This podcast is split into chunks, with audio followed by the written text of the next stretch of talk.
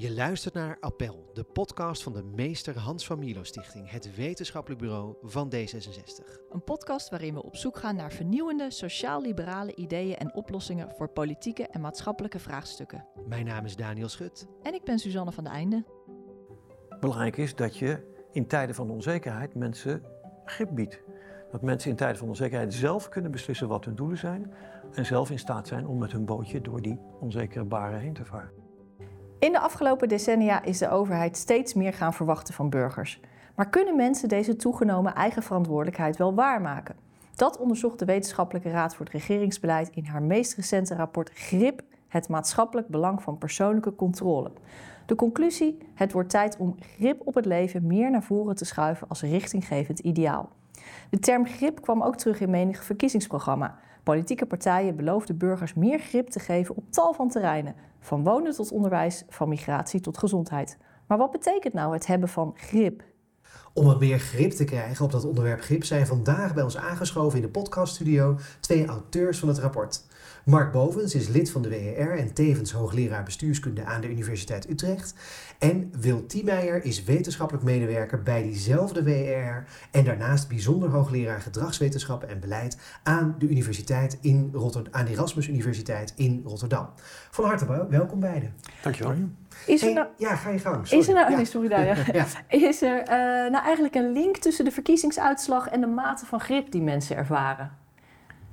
Uh, nou, Vroegen wij ons af. Die vraag krijgen we vaker en dan zeggen we eigenlijk altijd, nou dit rapport was al klaar voor de verkiezingen. Dus dit rapport gaat niet over verkiezingen. En om heel eerlijk te zijn, een verkiezingsuitslag is afhankelijk van een reeks van factoren. En natuurlijk niet alleen van grip. Nee, maar jullie hebben daar vast over nagedacht. Nou, uh, dit rapport is misschien wel een rapport uh, waarvan we hopen dat het volgende kabinet, uh, het komende kabinet, wel het ook gaan worden, dat het dus een voordeel mee kan gaan doen. Omdat wij hopen dat als je burgers meer grip geeft, of meer probeert met beleid burgers meer grip te geven, dat het misschien kan helpen om bepaalde vormen van onbehagen bijvoorbeeld te reduceren. Ja, onbehagen die zich nu wel hebben geuit in de verkiezingsuitslag? Ja, nou, nou kijk, nogmaals wat Mark zegt, hè, we hebben dit rapport losgeschreven van een verkiezingsuitslag, maar we, we, leggen daar wel een bepaald denkkader in neer, bepaalde ja. ideeën, die zullen we in het gesprek uh, meer uiteenzetten, die misschien kunnen helpen om, om, om, om de verkiezingsuitslag wel op een andere manier te bekijken. Ja. Kijk, wat er nou precies gebeurd is, dan moet je in de hoofden van de kiezers kijken, dat kunnen wij ook niet. Uh, maar um, ik zou wel mensen uh, zeggen, van, misschien dat, er, dat je in het rapport iets vindt waarvan je voor jezelf uh, puzzelstukjes op plaats kunnen vallen van nou, misschien is dit wat er meespeelt. Ja, ja. nogmaals, echt verklaren van een verkiezingsuitslag, nou daar zijn we volgens mij nog wel even mee bezig. Daar hebben we nog wat, nog wat tijd voor inderdaad. Precies. Ja, ja. Mark, wat was eigenlijk de aanleiding voor de WR om zich over het onderwerp grip te buigen? Um, een van de aanleidingen zit in het eigenlijk al, al jaren lopende debat over onzekerheid. We zien dat er is veel uh, discussie over onzekerheid. Ook de afgelopen jaren veel aandacht voor bestaanszekerheid. Um, en dit rapport is een manier om eigenlijk anders naar te kijken. En wat we in het rapport zeggen is van, het is natuurlijk belangrijk als mensen bestaanszekerheid hebben. Maar er is meer in het leven. Uh, we zeggen eigenlijk tegen de regering, als mensen eenmaal een zekere basis van zekerheid hebben, daarnaast is het veel belangrijker om ook na te denken over grip. Kun je mensen meer mogelijkheden geven om hun levensdoelen te realiseren? En dat is een veel positiever agenda dan alleen uh, zorgen dat mensen niet door het ijs zakken en in de goot terechtkomen. We zeggen nee, er is eigenlijk nog veel meer. En door dat te doen, laten we in het rapport zien, kun je ook een aantal bestaande dossiers uh, misschien op een nieuwe manier bekijken. Waardoor je misschien de openingen ontstaan om daar mee om te gaan. een van die onderwerpen is dat maatschappelijk onbehagen. Uh, een van de aanleidingen om dit te doen is dat wij, als wij als WR langs gaan bij bewindslieden en uh, fractievoorzitters, dan vragen we ook altijd van wat houdt je nou bezig? En dan horen we heel vaak terug, maatschappelijk onbehagen. Hoe kan het nou toch dat er zoveel maatschappelijk onbehagen is, terwijl we het toch zo goed doen? We hebben zo'n verschrikkelijk gaaf land. En toch is er zoveel onbehagen. dat ook alweer. ja, dus, en dit, een van de dingen die we het rapport proberen om is te laten zien dat dat maatschappelijk onbehagen heeft verschillende oorzaken, maar één daarvan zit hem ook in het feit dat mensen in hun eigen leven eigenlijk het gevoel hebben dat ze geen controle hebben over wat hen overkomt. Okay. Nou, ja. Wil jij, je wilde gelijk wel reageren? Nou ja, nee, dit is meer een aanvulling wat uh, Mark zegt. De, de, de, twee aanleidingen van het rapport eh, komen ook tot uitdrukking in de interne werktitel die we hadden voor dit project. Dat was onzekerheid en onbehagen. Ja. Hè, dus eigenlijk probeerden we die twee dingen. We hadden het gevoel van ja, dat, dat zijn twee thema's van het moment. Daar zit iets. Maar wat nou precies? En eh, eigenlijk was onze conclusie, er hoort nog een derde bij. Tegenhouden op onzekerheid en onbehagen. En dat is persoonlijke controle. En, en naarmate we verder kwamen met dat project, dachten we steeds meer van ja, nee, hier gaat het om. Hier moeten we de kaarten op gaan zetten. Ja. Oké. En, en wat heeft dat dan te maken met gedragswetenschap? Persoonlijke controle, of grip zoals wij het noemen, is een concept uit de psychologie. Eh, daar staat het bekend als perceived control of sense of control, maar dat, is, dat is, het, is het gevoel van controle dat mensen hebben, dat ze hun leven eh, kunnen inrichten zoals hen dat het eh beste uitkomt. Hè. De formele definitie is dat, je, dat ik door het gevoel dat ik heb, ik door eigen handelen de levensdoelen kan bereiken of dichterbij kan brengen die ik belangrijk vind. Ja, wat heeft dat te maken met gedragswetenschap? Dat, dat is iets wat zich tussen de oren van mensen afgeeft. Dat het is een bepaald gevoel, of een bepaalde overtuiging of een bepaalde wetenschap. En daarmee zit je in, de- in de, dus in, in de wereld van de gedragswetenschap. Ja, Ja, ja, helder. mooi. Ja. Ja, om nog even door te gaan inderdaad op dat begrip grip. Hè? Want eh, je zou jullie definiëren het als de mate waarin mensen in staat zijn om door eigen handelen gewenste uitkomsten te bereiken en ongewenste uitkomsten te voorkomen. Ehm, het eerste dat overigens daarbij in mij opkomt is van ja, dat is toch een illusie eigenlijk. Want het leven zit nou eenmaal vol onzekerheden. Dus hoeveel grip kan je nou, kan je nou sturen? Ehm, maar in het verlengde daarvan, wat houdt dan die grip in? Hè? Wat is het verschil tussen een, een gebrek aan grip en het ervaren van onzekerheid en eh, een gebrek aan controle? Nou, misschien kan ik even beginnen met ehm, dat begrip grip is een, is een al lang onderzocht, hè, ervaren controle is, een, is al lang onderzocht in de gedragswetenschap en daar gebruiken ze de zogenaamde mastery skill voor. En mastery, Nederland zou zeggen regie misschien, regie over je eigen leven Mhm. hebben. En dat meten ze door me- mensen een aantal stellingen voor te, geven, voor te leggen. En ik zal een paar van die stellingen noemen, dan krijg je misschien wat meer gevoel over waar praten we over. Hè, een van die stellingen is bijvoorbeeld, sommige van mijn problemen kan ik met geen mogelijkheid oplossen. Of soms heb ik het gevoel dat ik een speelbal van het leven ben. Hè, of wat er in de toekomst gebeurt, hangt voor het grootste deel van mezelf af. Dus dat is de positieve kant. Ja. Of als ik. eh, eh, ik kan eigenlijk alles als ik mijn zin erop heb gezet. Dat, dat zijn twee uitingen. Dat je, als je daar hoog op scoort, dan heb je veel grip. Ja. Dus het gaat om het gevoel en ook wel de ervaring dat, je, dat de dingen in het leven je niet overkomen, maar dat je er zelf regie op hebt. En ehm, dat is natuurlijk heel reëel. Het is niet, wij zijn natuurlijk niet zo. Er is we- wel degelijk grip. En soms meer en soms minder. En sommige mensen eh, scoren hier veel hoger op dan anderen. Ehm, en het wereld zit vol onzekerheid. Daar heb je gelijk in. Hè? Er komen steeds nieuwe onzekerheden. Maar grip gaat over het feit: ben je in staat om met die onzekerheid om te gaan? Ja. Hè, op de omslag van het rapport staat een boot. Een bootje met een hele woelige zee. De woelige zee is de onzekerheid. En het stuurweer van het bootje, dat is grip. Hè, Heb je de mogelijkheid om je bootje door de zee vol onzekerheid eigenlijk naar de haven te loodsen? ja, Dat is de verhouding. mooi. Maar, maar het is dus een gevoel eigenlijk, dat, wat mensen zelf... Ja, het is, nou kijk, het- begint als gevoel, of het is in de essentie een gevoel, maar gevoel komt natuurlijk ergens vandaan. Wat is de meest effectieve manier om mensen dat gevoel te geven? Door te zorgen dat ze ook daadwerkelijk controle hebben, dat ze dat ook ervaren. Eh, dus subjectief, objectief, gevoel of werkelijkheid ligt hier heel dicht bij elkaar. Als die twee dingen van elkaar losgezongen raken, dan gaat er ergens iets niet goed. Ja, ge- gevoelsmatig zou je zeggen, iemand die gevoel heeft dat ze heel veel controle hebben over hun leven, maar het feitelijk niet hebben, die, die zijn een beetje, ja, Nee, nou, om een voorbeeld te nemen. eh, Stel, ik heb een redelijk eh, controle over mijn conditie. Ik heb het gevoel dat ik een goede conditie heb of niet, maar ik kan dat gevoel, ik, bedoel, ik heb dat ook wel. Ik kan, gaan, ik kan gaan oefenen, ik kan naar de sportschool staan. Dus ik heb ook reële controle over mijn conditie. Maar je hebt vroeger ook wel eens eh, eh, gehad dat mensen dachten van als ik nou maar heel erg positief denk, dan kan Ja. ik kanker voorkomen. Ja. Ja, Ja, nee, dat, is- dan is het natuurlijk dan is het leuk als je dat gevoel hebt, maar dat is niet reëel. Dat is, ja, dus dat, dat is niet het soort van gevoelens waar wij aan denken.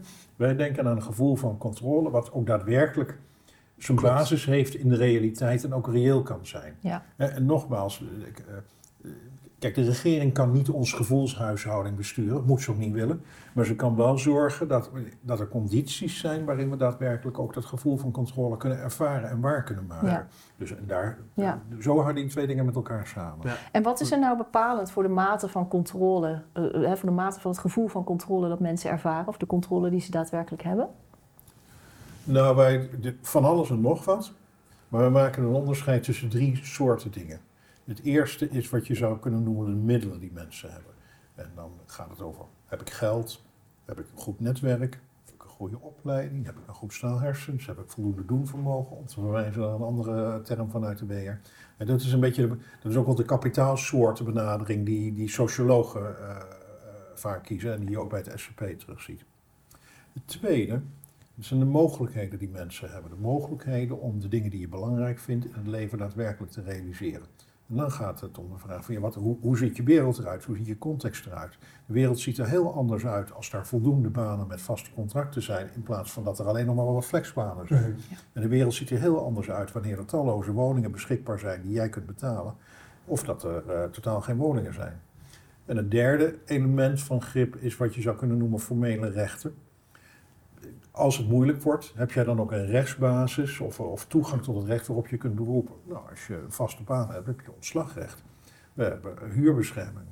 Het is een tijdje wat versoberd geweest, is nu weer eh, aangescherpt. Eh, heb je ook de griffierechten. Is het, is het voor mensen met weinig geld is het te doen om daadwerkelijk naar de rechten te stappen? Dus die drie dingen, middelen, mogelijkheden en rechten, dat zijn als het ware drie categorieën om, om het denken over wat houdt grip nou eigenlijk in, om dat een beetje te ordenen. Ja. En hebben jullie ook gekeken naar eh, hoeveel mensen in de samenleving nou voldoende, voldoende mate van grip ervaren en ten opzichte van mensen die dat niet eh, hebben?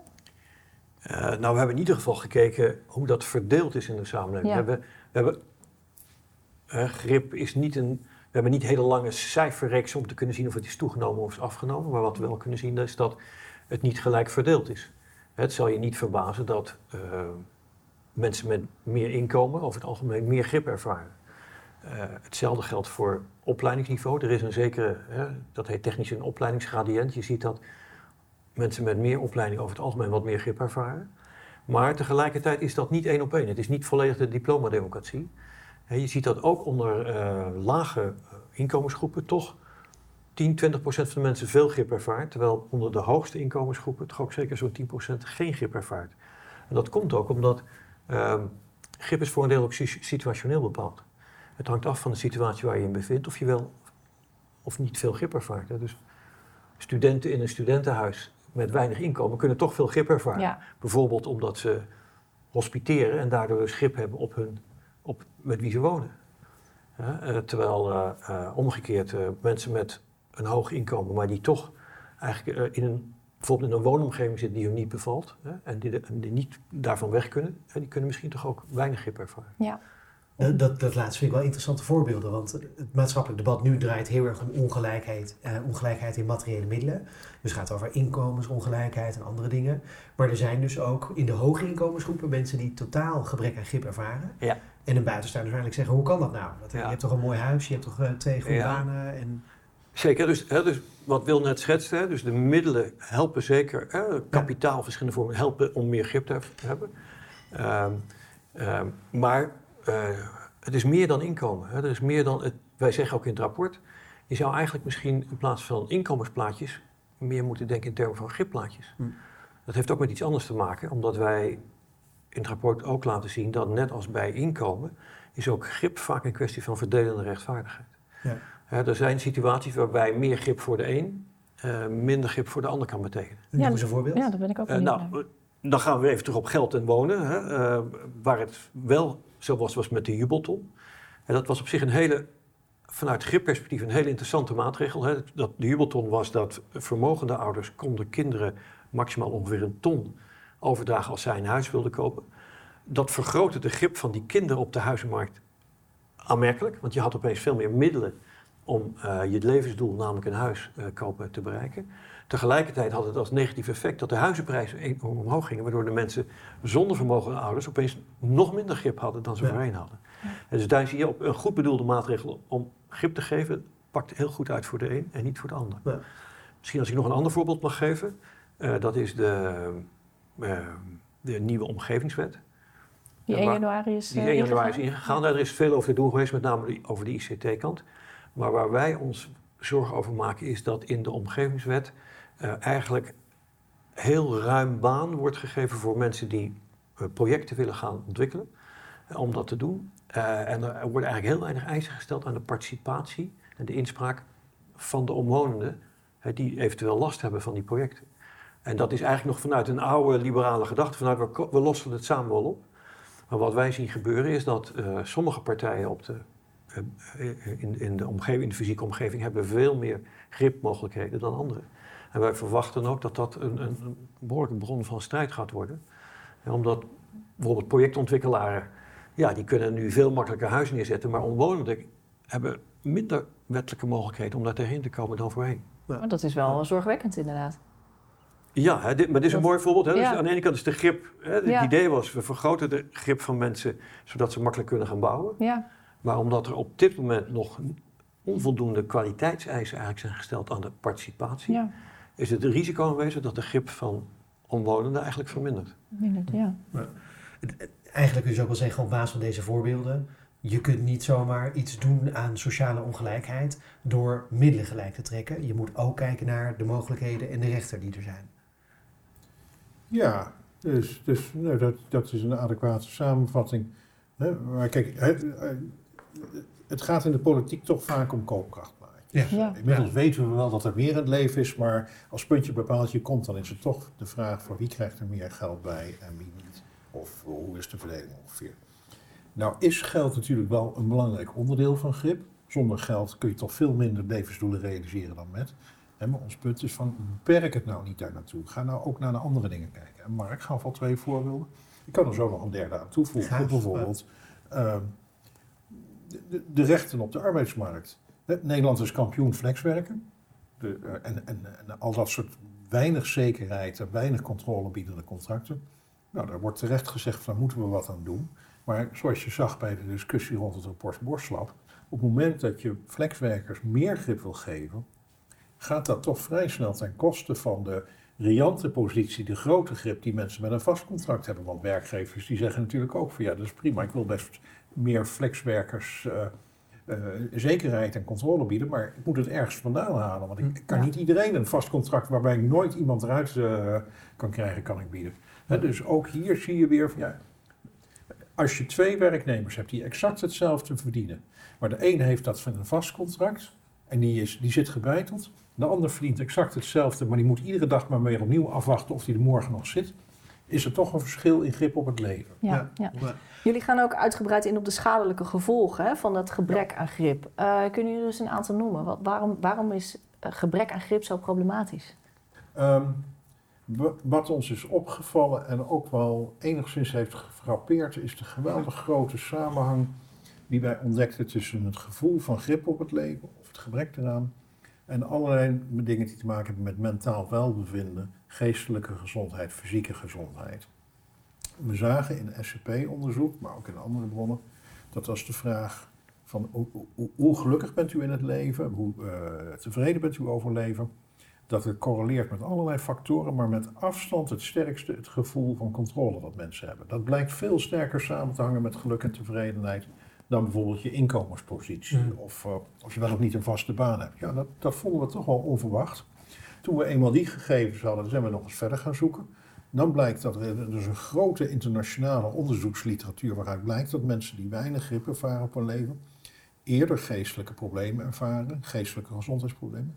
Niet alleen dat, ook eerder fysieke gezondheidsproblemen hebben. En als gevolg daarvan ook gemiddeld genomen eerder overlijden. Dus het is, het is letterlijk een zaak van levensbelang eigenlijk, of je voldoende grip hebt of niet. En, en, en dat, zijn, uh, dat zijn serieuze onderzoeken hoor. En het is ook niet alleen maar een verband, het is echt kausaal. Het een leidt tot het ander. Nou, dat wou ik eigenlijk net vragen. Hoe weet je dat zo zeker? Want het... Ja, dat, dat weet ik vrij zeker, omdat uh, het gaat niet alleen maar om hier is een pijltje, daar is een pijltje. Het zijn vaak langlopende onderzoeken waar mensen 10, 20 jaar worden gevolgd. En ook experimentele onderzoeken. En binnen de wetenschap geldt dat als je causaliteit wil vaststellen, dus oorzakelijk verband, dan moet je een experiment doen. Nou, die zijn Ja. er ook voldoende.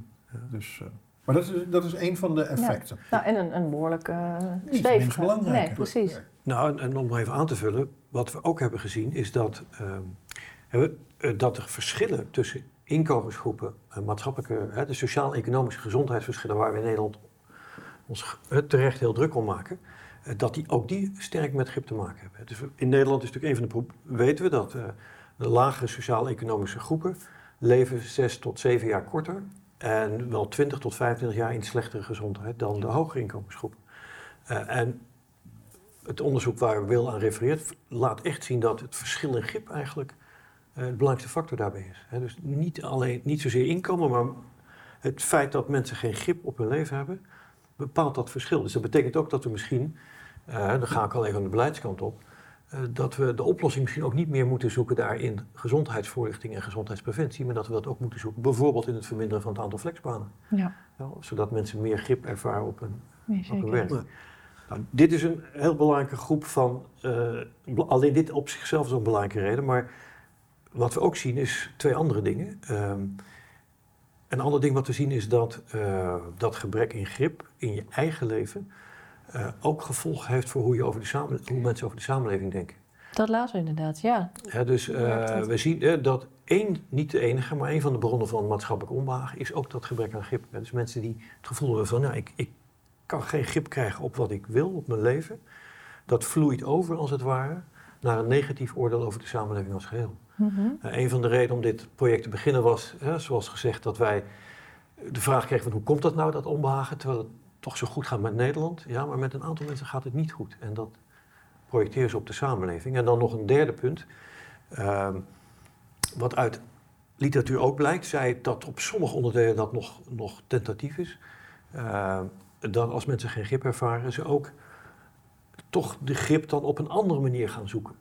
Eh, Mensen kunnen heel moeilijk omgaan met het feit dat er geen orde in de wereld heerst. En als er dus veel onzekerheid is en weinig grip, dan gaan ze proberen om die controle ergens anders te vinden. Dat kan zijn eh, bij sterke leiders of bij autoritaire leiders. Maar het kan ook door te denken in termen van vijanden of zondebokken. En er zijn ook wel aanwijzingen, al zijn die nog niet allemaal even sterk, dat dat ook een bron kan zijn van complotdenken. Dat was een van de vragen inderdaad. Dat, dat viel ons op in het, eh, in het rapport. Hoe, hoe, hoe werkt dat dan? Hè? Een gebrek aan grip. Hoe leidt dat nou tot de vatbaarheid van mensen voor ja, desinformatie? Noemen jullie ook complottheorieën, wantrouwen? Ja, dat is, nou, dat- dan kom je bijna de- bij eh, de existentiële psychologie en ontwikkelingspsychologie. Het idee is als volgt. Mensen hebben een grote behoefte aan controle over de omgeving. De wereld is onzeker, gevaarlijk. Dus daarom wil je het idee hebben van, nou, ik ben niet weerloos, ik ben niet machteloos, maar ik, kan de wereld beïnvloeden en een zekere mate beheersen. En dat kan alleen maar als je een bepaalde orde kent, een zekere overzichtelijkheid.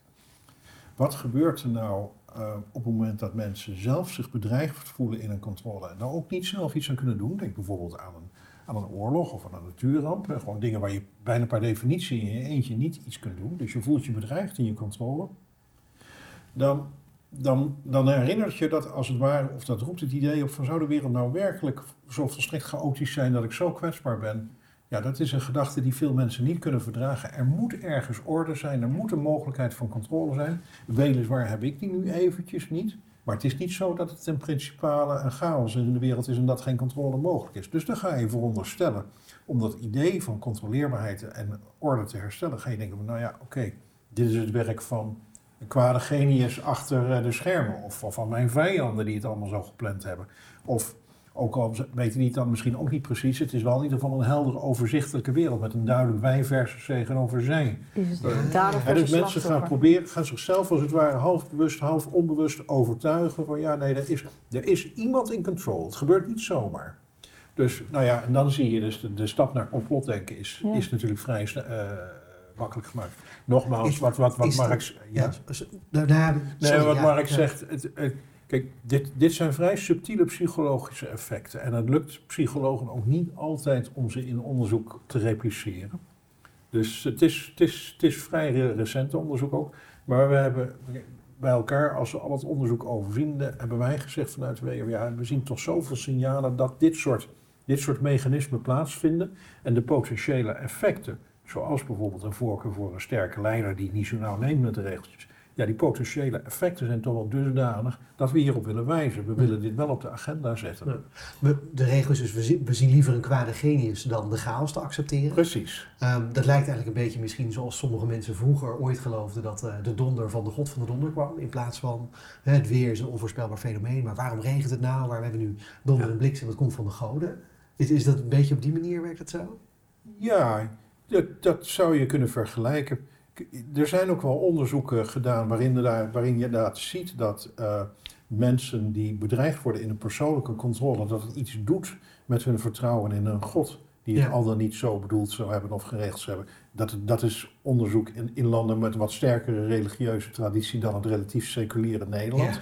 Maar het, is, het, is, het effect is bekend, ja. Ja. Ja. Ik dacht bij wat je inderdaad net schetst ook wel aan de coronatijd. Hè, waar natuurlijk mensen, waar, Ja. wat, wat één nou, grote dat chaos, eh, hè, onzekerheid was. En waar, En dat was bij uitstek natuurlijk iets, iets wat mensen als bedreigend konden ervaren en wat ook heel moeilijk tastbaar was. Ik bedoel, je ziet het niet, maar overal kan het Ja. gevaar op de loer liggen. Dus ja, eh, ik zou niet willen zeggen dat dat de verklaring is voor Nee. allerlei vreemde denkbeelden die eh, te zien. Zoveel data heb ik nou ook weer niet. Maar het lijkt me wel zeer waarschijnlijk dat het een rol Ja. heeft gespeeld. maar ik denk dat we natuurlijk wel allemaal op dat moment voelden dat we geen grip hadden. Ik, dat Nee. weet ik nog heel goed. Je, je was alleen maar afhankelijk van de volgende persconferentie waarin verteld zou worden Ja, wat je weer mag mocht. je staan? En, Ja, en niet wanneer mochten de kinderen weer naar school? en je had nou, nul... je dat, nou eh, je dat voorbeeld toch aanhaalt, één interessant ding was, waar het gripthema ook weer eh, terugkomt. Een grote klacht was, vertel ons wat er gaat, gaat gebeuren. Geef ons een planning, Ja. geef ons een vooruitzicht. Maakt ons niet zoveel uit Ja. wat het precies is, maar geef ons een tijdpad, Ja. zodat we in ieder geval weten waar we aan toe zijn. En dat gevoel Ja. van weten waar je aan toe bent, is natuurlijk bij uitstek een, een, een symptoom van de behoefte aan grip. ja, Ook al is het dan misschien niet het plan of het tijdpad zoals ik dat willen, zou willen hebben. Ik heb Ja. liever weet, ik weet liever dat het dan zus en zo gaat. Ook al komt mij dan niet uit en dat ik helemaal onzeker ben. ja, Ja. ja. Ja. Dat is herkenbaar in veel situaties inderdaad. Beter informatie die we niet willen, of, feiten die we niet willen, dan helemaal in het ongewisse blijven. Maar wa- wat we net wel besproken hebben, is dat GIP dus eh, een maatschappelijk vraagstuk is. Het is een verdelingsvraagstuk. En dat hangt dus af van aan de ene kant middelen, mogelijkheden en rechten. Ehm, tegelijkertijd, als we hier nu zo over praten, denk ik ook, verschillen mensen ook fundamenteel qua, qua hoe ze geboren zijn in aanleg niet in iets als risicotolerantie. En, en daarmee dus ook Ja. in capaciteit tot ervaren van grip. Genetisch bepaalde grip. Ja, Voor die vraag is het goed om eventjes terug te gaan naar een eerder rapport wat wij hebben gepubliceerd. Dat heette Weten is nog geen doen. Dat ging over doenvermogen. Een Haag- eh, term die inmiddels in Den Haag is ingebeurd. Doenvermogen is simpel samengevat het vermogen wat je hebt om je plannen en je intenties, je goede bedoelingen daadwerkelijk om te zetten in de bijpassende actie. Het is eigenlijk een populaire term voor wat in de wetenschap wel zelfcontrole of zelfregulatie wordt genoemd.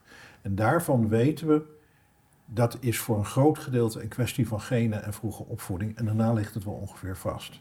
Dus dan is de boodschap in Den Haag: accepteer nou maar gewoon dat er verschillen zijn in doenvermogen en pas je beleid daarop aan. Hier, daarom maak ik het contrast met het vorige rapport, is die situatie iets anders. Als het gaat om grip of het gevoel van controle, daar zit wel iets van een erfelijke component of een vroege kindertijd component in. Maar het is veel meer situationeel bepaald. Het is veel meer iets wat je kunt leren of kunt afleren afhankelijk van wat je meemaakt in het leven. Hè, Mark gaf net een voorbeeld aan. Hoger opgeleiden die misschien in in de condities zitten dat ze veel grip zouden moeten ervaren, kunnen ook in situaties komen waarin dat gevoel vervliegt als het ware. Bijvoorbeeld, eh, denk aan een scheiding, je moet gedwongen je huis verkopen, je hebt ook nog problemen op je werk. Ja, dan, dan vervliegt dat gevoel van controle helemaal. Dat kan weer terugkeren als er betere tijden aanbreken. Maar dat betekent dat als het minder een kwestie is van aanleg, genen, vroege opvoeding en meer van de situatie waar iemand in zit, dat er ook veel meer vrijheidsruimte is voor de overheid om situaties te creëren waarin mensen dat gevoel van controle kunnen krijgen of behouden of kunnen vergroten, et cetera. Ja. Dus dat is het, nou niet zo heel erg kort antwoord op je vraag. Mark, aanvulling. Ja. Nou, grip lijkt meer op zelfvertrouwen. Hè? Zelfvertrouwen is Ja. iets wat, je, eh, wat ook door je, door je leven heen kan toenemen en kan afnemen, afhankelijk van, Ja. de, van de dingen die je meemaakt. En Ja. zo is het eigenlijk met grip ook. Ja, Ja. ja. Maar het- jullie stellen ook in het, in het rapport hè, dat eh, de overheid heeft de mensen veel meer eigen verantwoordelijkheid gegeven. Bijvoorbeeld in het kader van de participatiesamenleving. Eh, eh, hè, los ou- ouderenzorg bijvoorbeeld, lost dat maar op met mantelzorg en dergelijke. Zonder dat, mens, zonder dat er voldoende de vraag is gesteld of mensen wel de mogelijkheid hebben om die eigen verantwoordelijkheid te nemen. Dan vraag ik me af, heeft dat, ehm, dat heeft toch denk ik wel meer met die drie aspecten eh, te maken. Niet zozeer misschien met zelfvertrouwen. Dat gaat ook meer Ja. over wel de middelen, de tijd. eh, nee, dat klopt. Hè, dus, ja. maar dat is de situationele ja, kant ja, eigenlijk. hè. precies. Ja. Dat is wat ja. Will ook zegt. Het, hè, dus de, Ja, Ehm, de overheid kan door middelen of mogelijkheden of rechten aan te bieden, de mensen eh, daadwerkelijk meer in de positie brengen dat ze ook de grip ervaren, dat ze ook het gevoel dat ze regie hebben over hun Ja. leven. Hè, ehm, Ja. ja, misschien is het goed om, een- om een- paar voorbeelden te geven. Ja. Ehm, ehm, een, een voorbeeld is bijvoorbeeld de WMO, Wet Maatschappelijke Ondersteuning. Dat is in zichzelf eigenlijk een hele mooie wet, want die ehm, geeft mensen met een beperking meer mogelijkheden en ook juridische mogelijkheden, maar ook meer middelen om eh, te gaan werken. Hè. Je helpt mensen om te kunnen functioneren, ook al heb je een ernstige beperking. Ja. Dat is een hele mooie wet die dat doet. Tegelijkertijd zien we, dat is de andere kant van het verhaal, dat eh, bij de uitvoering van de WMO eh, helaas veel, dat doen gemeentes, dat op een hele rigide manier doen. Eh, er is een rapport van de Nationale Ombudsman uitgekomen afgelopen jaar. Dat laat zien dat omdat gemeentes bij die uitvoering van de wet vaak maar één smaak aanbieden. Je kan maar één rolstoel krijgen. Of als je zegt van nou ik, wil, ik weet nog niet zeker of ik een rolstoel nodig heb, kan ik niet even een tijdje nog een rollator krijgen? En dan nee, je moet nu kiezen en dan, en dan ligt het voor zeven jaar vast. En over zeven jaar kun je weer opnieuw. Nou, door dat soort rigide uitvoeringen constateert de ombudsman dat eigenlijk heel veel mensen de regie kwijtraken. Dus juist waar de WMO bedoeld was om mensen te ondersteunen, hun verantwoordelijkheid ook maatschappelijk te nemen, zien we dat de uitvoering daarvan juist eigenlijk die, dat gevoel van grip juist vermindert. verminderen. En Ja. dat was de uitkomst van, van de ombudsman. Die zegt, ja, de meeste mensen ervaren helemaal geen grip meer Ja. door die uitvoering van de WMO. Nou, een ander voorbeeld, ehm, eh, dat g- hebben wij van Natja Jungman, dat is, zij is lector schuldhulpverlening en ze was aanwezig bij de presentatie van ons rapport. We hebben eh, heel veel schuldhulpverleningssituaties in Nederland. Alleen wat daar gebeurt is dat mensen met grote schulden hè, worden helemaal eh, ingekaderd en hebben geen enkele regie meer over hun leven. En dat vaak jarenlang. En met als gevolg, als dan die schulden afgelopen zijn, dan zijn ze elk vermogen om grip te nemen, zijn ze, zijn ze kwijtgeraakt. Hè, dus zij zegt ook, probeer nou bij die schuldhulpverlening toch meer mensen meer regie te geven, want dan verliezen ze dat gevoel niet. Ja. En het is ook veel beter om de reden die we net schetsen. Zijn, zijn overheden en, en, en politici, zijn zij zich bewust van dat, dat concept grip? Uh, hopelijk steeds meer. Ja. Anders doen we Maar ons werk niet vraag- goed. nee, zeker. Maar ik vraag me inderdaad af, is dit echt een nieuwe manier van denken? Voor, voor Ehm. ja, jullie adviseren de regering, dus jullie... Ja en nee. Wij positioneren dit wel nadrukkelijk als een andere manier van denken. Ehm, en we hebben dat zelfs maar eventjes gripdenken genoemd. De basale idee is... ehm, eigenlijk is het, een, is het een vrij radicale vorm van denken naar, vanuit de burger... wat tegenwoordig zo eh, populair is. Maar we willen dat nog iets verder doorzetten dan wat tot nu toe gebruikelijk is. De idee van het boek is in wezen, of van het rapport is in wezen heel simpel. Verplaats je in de schoenen van de burger. Bedenk wat hij of zij belangrijk vindt in het leven. Nou, dat zijn vaak toch de standaard dingen als een prettige baan, een goed sociaal leven, misschien een gezin stichten, een fijn huis, misschien ook iets betekenen voor de wereld. Dat zijn allemaal de grote projecten. Als je al jong bent, wat wil je laten worden, wat wil je laten realiseren, dan is dat het. Oké, dus dat is je uitgangspunt. Vervolgens komen mensen natuurlijk, eh, op, stuiten ze op allerlei obstakels. Het wordt ze moeilijk gemaakt, of weet ik al niet wat. Ze, op een of andere manier kunnen ze niet krijgen wat ze willen.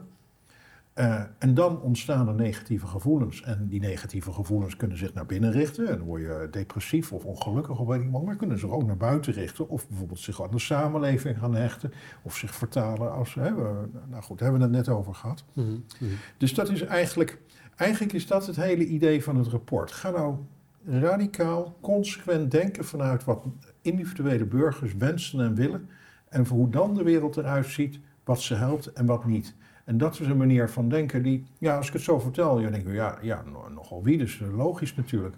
Maar het is toch nog minder gebruikelijk in de Haagse beleidskringen, denk ik, dan, dan zo vanzelfsprekend als dat ik het nu De- probeer voor te waarom is stellen. dat, Dat in is- Den Haag? Ja, waarom is dat zo moeilijk? Ja. Om, zich te- om je te verplaatsen in... Voor, waarom is het voor beleidsmakers Nou, voor een gedeelte is dat, maar goed, Mark moet me zomaar aanvullen hoor. Maar kijk, dat heeft, het is, dit is voor een gedeelte de manier waarop gedragswetenschappers naar de wereld kijken. En daar hebben we er nog niet zoveel van in, in, in, eh, in, in Den Haag. Daar zitten vooral veel juristen, sociologen, bestuurskundigen, economen en gamma-wetenschappers. Dat zijn ook legitieme perspectieven op de werkelijkheid. Maar die denken meer vanuit andere ideeën en vertrekpunten. Ja, wat, wat we proberen te laten zien is, het is ook een beetje een reactie op het, op het, eh, het nou zeggen, de discours van de afgelopen jaar. Hè, dat ging over bestaanszekerheid. Hè, dus alle aandacht gaat uit naar bestaanszekerheid. We zeggen, natuurlijk is bestaanszekerheid belangrijk. Hè, mensen moeten niet door het ijs zakken. Hè, moeten niet in de grootbelangen belanden. Maar uiteindelijk draait het mensen natuurlijk niet om bestaanszekerheid. Het gaat erom dat mensen hun levensdoelen willen realiseren. En dat is eigenlijk waar het om draait. En dat is ook een veel positieve agenda dan eh, ja, alleen maar zorgen dat mensen niet in de goot komen. Dat is meer een basisvoorwaarde. Dat is, een niet in de, in natuurlijk, dat is uiteraard belangrijk, maar het, het, het gaat natuurlijk mensen over veel meer dan dat. Ja. Omdat, je, nou, je wil je levensdoelen realiseren. Je wil voor je ouders kunnen zorgen later als, als ze ziek worden. Je wil een gezin kunnen stichten, et cetera. Dat zijn de dingen die, die belangrijk zijn in het leven. En wat we met dit rapport ook bedoelen is... Ja, misschien toch een, een derde perspectief schetsen... wat, wat hopelijk eh, het debat op dit moment verder kan brengen. hè. We zien eigenlijk als je terugkijkt, zie je eigenlijk twee smaken eh, rondom beleid. En de ene smaak is van, eh, daar refereerde je er net ook aan, van nou, de wereld is vol van onzekerheid, wen er maar aan. Hè? Eh, de overheid is, is, is er niet voor om dat, eh, voor jou te doen. Iedereen moet zelf een eigen klein ondernemer worden en zoveel mogelijk zijn eigen winkeltje zien te runnen. Nou, daarvan zeggen wij dat is, dat is niet reëel. Je kan nooit aan alle onzekerheid wennen. Onzekerheden, daar kun je niet aan wennen. En het lukt niet iedereen om op eigen kracht dat winkeltje maar het hele leven open te houden. Ja. De andere eh, stroming zegt, eh, alle pech moet weg. Eh, de overheid is er om alle onzekerheid te reduceren. Hè, onzekerheden moeten door de overheid weggehaald worden voor de burgers. Nou, ook daarvan zeggen we dat is niet reëel. Want onzekerheid hoort bij het leven. Er zullen steeds nieuwe onzekerheden zijn. Dat kan, eh, dat kan je niet waarmaken. Bovendien is het ook niet wenselijk, want een, zekere, eh, een beetje onzekerheid helpt mensen om, om initiatief te tonen en alert te zijn. Scherp te blijven. Ja, dus wat wij zeggen is, nee, belangrijk is dat je in tijden van onzekerheid mensen grip biedt. Dat mensen in tijden van onzekerheid zelf kunnen beslissen wat hun doelen zijn en zelf in staat zijn om met hun bootje door die onzekere baren heen te varen. Ja. Ik zit wel te denken van, je noemde onder andere de, woning, de, de woonsituatie als, als voorbeeld. Ehm, dat vereist natuurlijk zoveel aanpassingen. Dat is natuurlijk zo'n complex, eh, dat vereist zoveel aanpassingen op zoveel verschillende niveaus. Dat, dat voordat mensen daar grip op hebben, er zullen misschien mensen zijn die dit luisteren, die Ja. denken van ja, dat is leuk, meer grip, maar ik kan gewoon, er zijn gewoon geen huizen. En het duurt nog wel even. en het duurt nog wel even. Ja, En- nee, maar dat, dat Ja. is natuurlijk gewoon zo. Wij, Ja. wij, wij, wij, in het rapport geven we wel een paar kleine, althans we, we, we nemen een paar kleine aanbevelingen over die we weer van anderen hebben gehoord. Van, nou, gegeven de huidige huizennood zou je misschien wel dit of dat een beetje kunnen doen om het iets te verlichten. Maar het grote probleem is natuurlijk dat er eerst meer huizen moeten komen. Ja, Dus eh, dat zit gewoon in de categorie mogelijkheden en die zijn ook gewoon echt beperkt. Dat Ja. is gewoon... Ja. nee, dus met terugwerkende kracht kun je de vraag stellen van... Goh, hadden we dit niet kunnen zien aankomen? Dit is zo gewoon... een- hè, misschien dat als tien jaar geleden... eh, als alle informatie eh, die eh, op tafel was gelegd... en het uitgangspunt was geweest... wat moeten we doen om te voorkomen... of om te bevorderen dat mensen zoveel mogelijk grip hebben op een woonsituatie... dat het een eh, ander beleid was uitgekomen dan dat er is gevolgd. Maar, Ja. Maar goed, dat is, dat is eh, terugkijken achteraf. Dus dat, Ja. dat is... Ver- speculeren naar het verleden. Ja. Ja, precies. Maar Ja. daarvoor heeft de. Familie Stichting een mooi rapport eh, Dat uitgebracht. klopt. Ja, hoe heet het ook alweer? Waarde voor Nee, wonen, maar geloof ik. Kijk, wonen is, Ja. kijk, wonen is natuurlijk het een heel groot dossier waar veel Ja. mensen echt grote moeilijkheden hebben om ertussen te komen. Ja. Dus dat kaarten we aan. Maar het, het, het, de mogelijkheden om grip te vergroten zitten wat eerder op, op, op andere domeinen. Bijvoorbeeld verlofregelingen. Ja, worden precies. goed is. Ja. Ja, Ja. mi- misschien een ander groot domein is, is het domein van werk, hè, werk en inkomen. Ja. Eh, en, eh, daar kan denk ik een, hè, dat is, daar kan je denk ik sneller toch ook eh, dit gedachtegoed eh, eh, intro- introduceren. dat gebeurt voor een deel al. Uh, we hebben in een, weer heeft in een vorig rapport, het Betere Werk, bijvoorbeeld gepleit voor uh, een veel ruimer stelsel van verlofregelingen. en, en, en, mogelijkheden om je arbeidstijden aan te passen. Laat ik een paar voorbeelden noemen. Het zou, denk ik, heel erg mooi zijn als mensen gedurende hun arbeidsloopbaan, hun carrière, een wettelijk recht hebben om soms meer, soms minder te werken, afhankelijk van wat hun privésituatie vraagt. Ehm, er is net een heel mooi uh, rapport van de SER uitgekomen om het verlofstelsel niet alleen simpeler te maken, maar ook verder uit te breiden. Ja.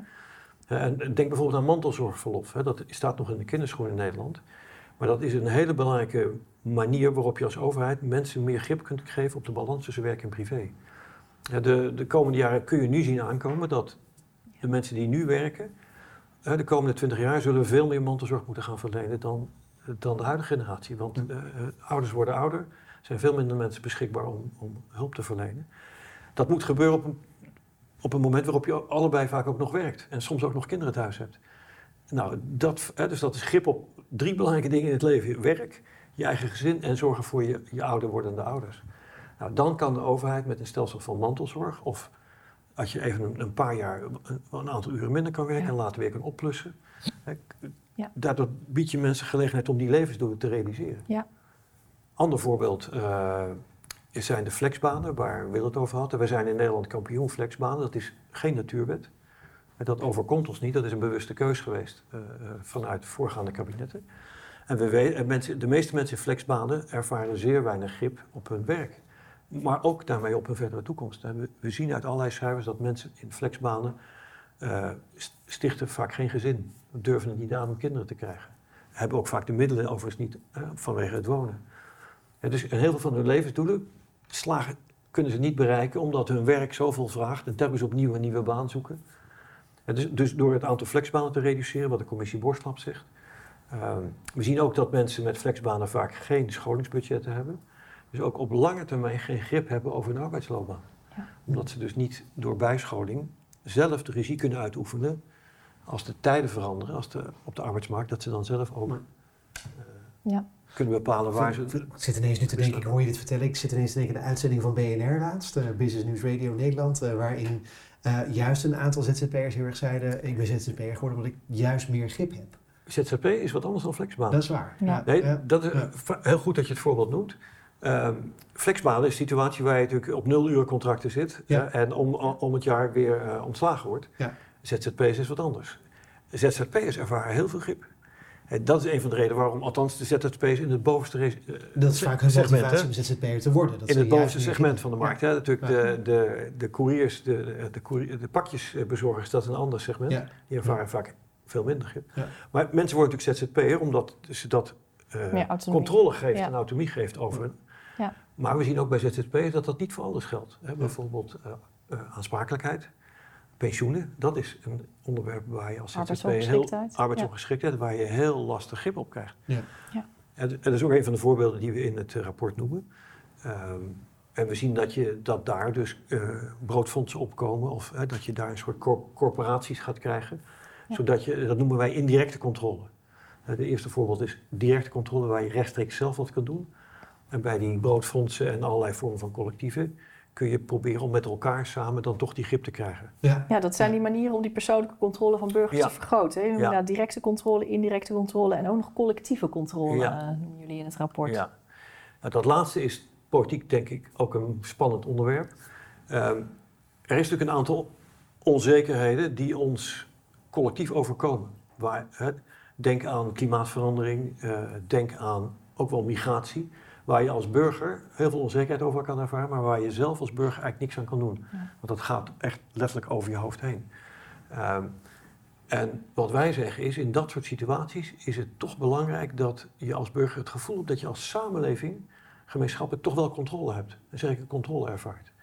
Ja, ehm, ook om de reden die Wil net schetste, van ehm, als mensen het gevoel hebben dat de samenleving, de regering die controle niet moet, biedt, dan gaan ze het op andere plekken zoeken. Dus wij zeggen tegen de regering, het is toch bij dat soort onderwerpen belangrijk dat je uh, aansprekende en solide plannen ontwikkelt waar, het Nederland, waar we vinden dat het in Nederland naartoe moet. Dat je een soort stip op de horizon zet. Nou, daar gaan we naartoe. Een heel mooi voorbeeld vind ik uh, het het rapport van de commissie van Zwol, wat net is uitgekomen. En wat nadrukkelijk zegt, uh, we moeten een gesprek gaan voeren in Nederland over wat voor economie, wat voor samenleving we willen hebben. Mm -hmm. En van daaruit, wat voor soort migratie hoort daarbij. Ja. En uh, welke mig migratie willen we wel, welke willen we niet en hoe gaan we dat handhaven. Maar je zegt terecht, dat is politiek een van de meest spannende ja. aspecten natuurlijk. Ja, maar wat wij, dus wij zeggen niet wat de inhoud moet zijn van dat plan. Hè, dat is natuurlijk een politieke keuze. Maar wat wij wel zeggen is het feit dat de regering op dit soort grote maatschappelijke onzekerheden uh, plannen ontwikkelt, is in zichzelf waardevol. Omdat het mensen een, helpt om een, die met die onzekerheid te kunnen leven. Omdat ze het gevoel hebben van nee, daar wordt over nagedacht. Ik kan het misschien niet eens zijn met de richting waar, waar het naartoe gaat. Wat je net ook zei, hè? Van maar in ieder geval, beter een plan. En we, zijn, beter, we weten ja, ja. wat er gaat gebeuren. En het, we zijn niet het speelbal van de maatschappelijke krachten en van de geschiedenis, zeg maar. Ja. Kijk, en we komen natuurlijk uit een tijd nu dat, uh, um, dat het een beetje uit de mode is geweest. Hè? Uh, visies, die benemen je alleen maar het uitzicht op, pardon, ja, die benemen je het uitzicht. Wim Kok die schudde de ideologische veer af. De Nederlandse politiek is nogal managerial geworden. Gewoon kleine stapjes, niet al te grote broeken aantrekken, niet al te grote woorden en de grote verhalen. Vooral kijken naar de kosten. Ja. En nou, daar is natuurlijk op zich best wat voor te zeggen, die hele praktische, pragmatische inslag. Maar we zeggen wel van ja, het is voor een aantal mensen, voor veel mensen is het uiteindelijk toch te mager. Als, als het zo is dat mensen behoefte hebben aan controle en er komen grote problemen op ons af die je zelf niet kunt controleren. En de regering zegt vervolgens ook nog eens een keer: ja, nou ja, wij, hebben, wij, gaan, uh, wij gaan dat niet doen hoor, grote plannen, want dat is allemaal niet goed. Ja, dat, dat, dat, dat, dat, dat werkt niet. En dan is wat Mark net zei: dan gaan mensen, de, de behoefte aan controle is zo sterk, dan gaan ze het wel opzoeken bij iemand anders die misschien een plan heeft waar je helemaal niet zo blij van wordt. Waarom is Trump zo groot geworden? Niet omdat het zo'n fantastisch staatsman is, maar omdat hij iedereen ervan weet te overtuigen. Van nou, als je mij aan het roer zet, dan komt het allemaal goed. Build that wall. Hij ja. geeft ze gewoon ja. ja. het gevoel van ja. Only I can fix it. Nou, uh, hij, hij bood een soort gevoel van zekerheid. Dat las ik laatst inderdaad in de reportage. Hij geeft ons veiligheid, zekerheid. En dan, dan heb ik liever dat, dat, dat de, de, de, de, wat meer uh, gedegen politici met een plan komen. En ik begrijp best dat het niet mogelijk is om een kant-en-klaar plan te maken. De samenleving is niet zonder meer maakbaar. En het is natuurlijk met veel onzekerheden omgeven. Maar toon in ieder geval die ambitie. Doe een poging, zodat mensen zien van nou, er wordt namens ons aan gewerkt. Sociaal Cultureel Planbureau in haar onderzoek naar burgerperspectieven. Eh, dan lees je dat ook letterlijk terug. Dat mensen het gevoel hebben van ja, de regering die zit daar en het overkomt ze allemaal maar. Ze doen niks. Ja, dat, dat, dat is natuurlijk voor mij echt zo'n woord wat hoort bij grip. Dat is echt... Uh, ja. Nou, dat is het ja. tegenovergestelde ja, van grip. het overkomt ons allemaal maar. Ja. Ja. Ja. Ja. Dus we, zijn, we zijn niet alleen... Ik ben niet alleen als individu speelbal van het leven, maar we zijn ook als land speelbal van krachten die ons te boven gaan en waar we niks aan kunnen doen. Ja, dat is buitengewoon onbevredigend. Ja. Eén ding wat ik nog wel graag even wilde aanstippen. Jullie um, noemden ook um, burgerparticipatie in het rapport. Uh, hè, dat, bij, bij, mensen die, dat dat aan de ene, aan de ene kant een, een groep mensen het gevoel kan geven meer grip te hebben op politieke besluitvorming. Maar dat dat ook averechts kan werken en dat bij een hele grote groep mensen juist uh, dat, ja. het, het, het, gevoel van grip kan verminderen. Nou, ik denk ook een mooi onderwerp voor D66. Hè? Um, als je met een gripbril, vanuit een gripperspectief kijkt naar burgerparticipatie, dan zie je ook dat dat ook een kwestie van verdelende rechtvaardigheid is. Ja. En dat in een aantal situaties he, burgerparticipatie is bedoeld om mensen meer grip te geven op hun directe leefomgeving. Uh, en dat is op zich heel mooi, hè, want burgers zijn, hè, nemen de regie. Maar tegelijkertijd weten we ook dat sommige burgers veel makkelijker de regie kunnen nemen, omdat ze meer middelen hebben, intellectueel of economisch. Die, de omgevingswet is daar een voorbeeld van. Hè. Grote partijen kunnen veel makkelijker eh, daaraan doen dan, kleinere. En er is een, we weten ook uit alle, allerlei onderzoek dat een, een groot aantal burgers heeft niet de middelen, maar ook niet de tijd en ook niet per se de behoefte om elke avond maar te gaan participeren. Ik zeg ons een beetje gekscherend, hè, de, de nieuwe experimenten rondom burgerparticipatie zijn eigenlijk verzonnen door politicologen voor politicologen.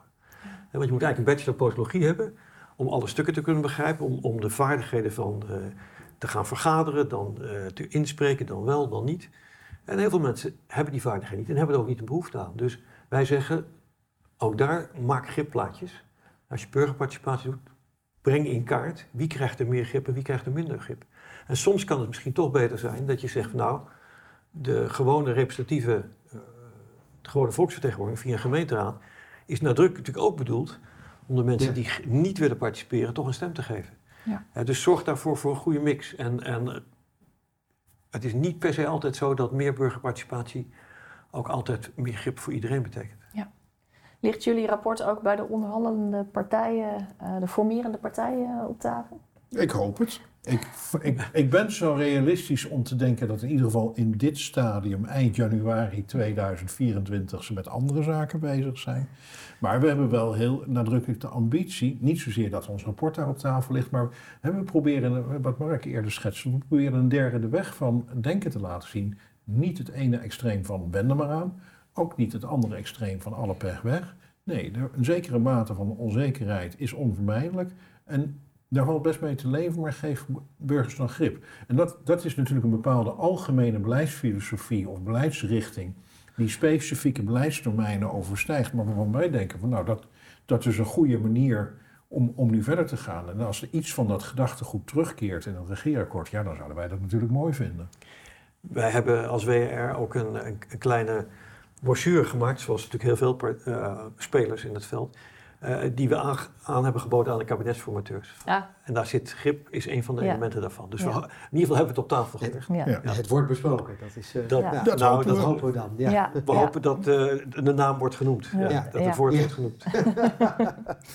ja, heel Nou, goed. dat wordt spannend. Dat brengt ons eh, bij de Bij de vaste slotvraag. Want eh, nou, ze komen er op een gegeven moment eh, uit, als het goed is. Stel, jullie worden minister in het volgende kabinet. Wat zouden jullie dan als eerste doen om mensen meer grip te geven op het eigen leven? Wil. Nou, het ligt er een beetje aan minister waarvan ik word.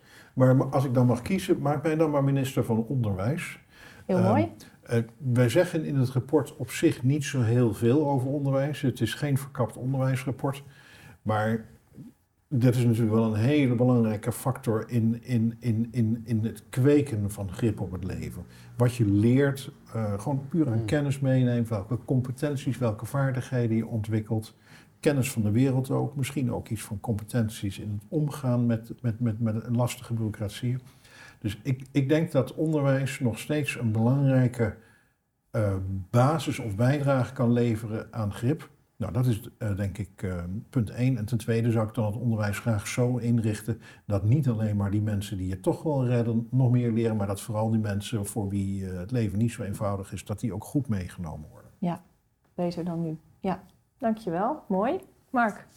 Eh, nou, stel dat ik minister van Sociale Zaken zou worden, laten we dat even doen. Dan zou ik, ehm, eh, denk ik, als eerste eh, dat rapport van de commissie van Zool erbij pakken.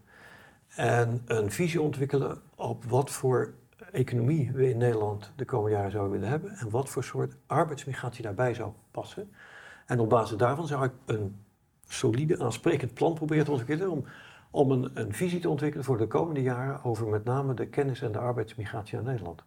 En eh, welke we wel nodig hebben, welke niet. En onder welke voorwaarden Mhm. werkgevers gaan krijgen in de toekomst om arbeidsmigranten naar Nederland te halen. En, en maak eens nog wat concreet. Ik wou net zeggen, wat ja. een visie en zo, dat klinkt nog wel eh, iets, eh, iets nou bijvoorbeeld, eh, nou, wat ik net zei, überhaupt het feit dat we een visie gaan ontwikkelen over de arbeidsmigratie. Dat is al niet. Dat is is al Nee, op ja, dit moment is natuurlijk de migratie naar Nederland is de optelsom van de beslissing van individuele werkgevers. Ja.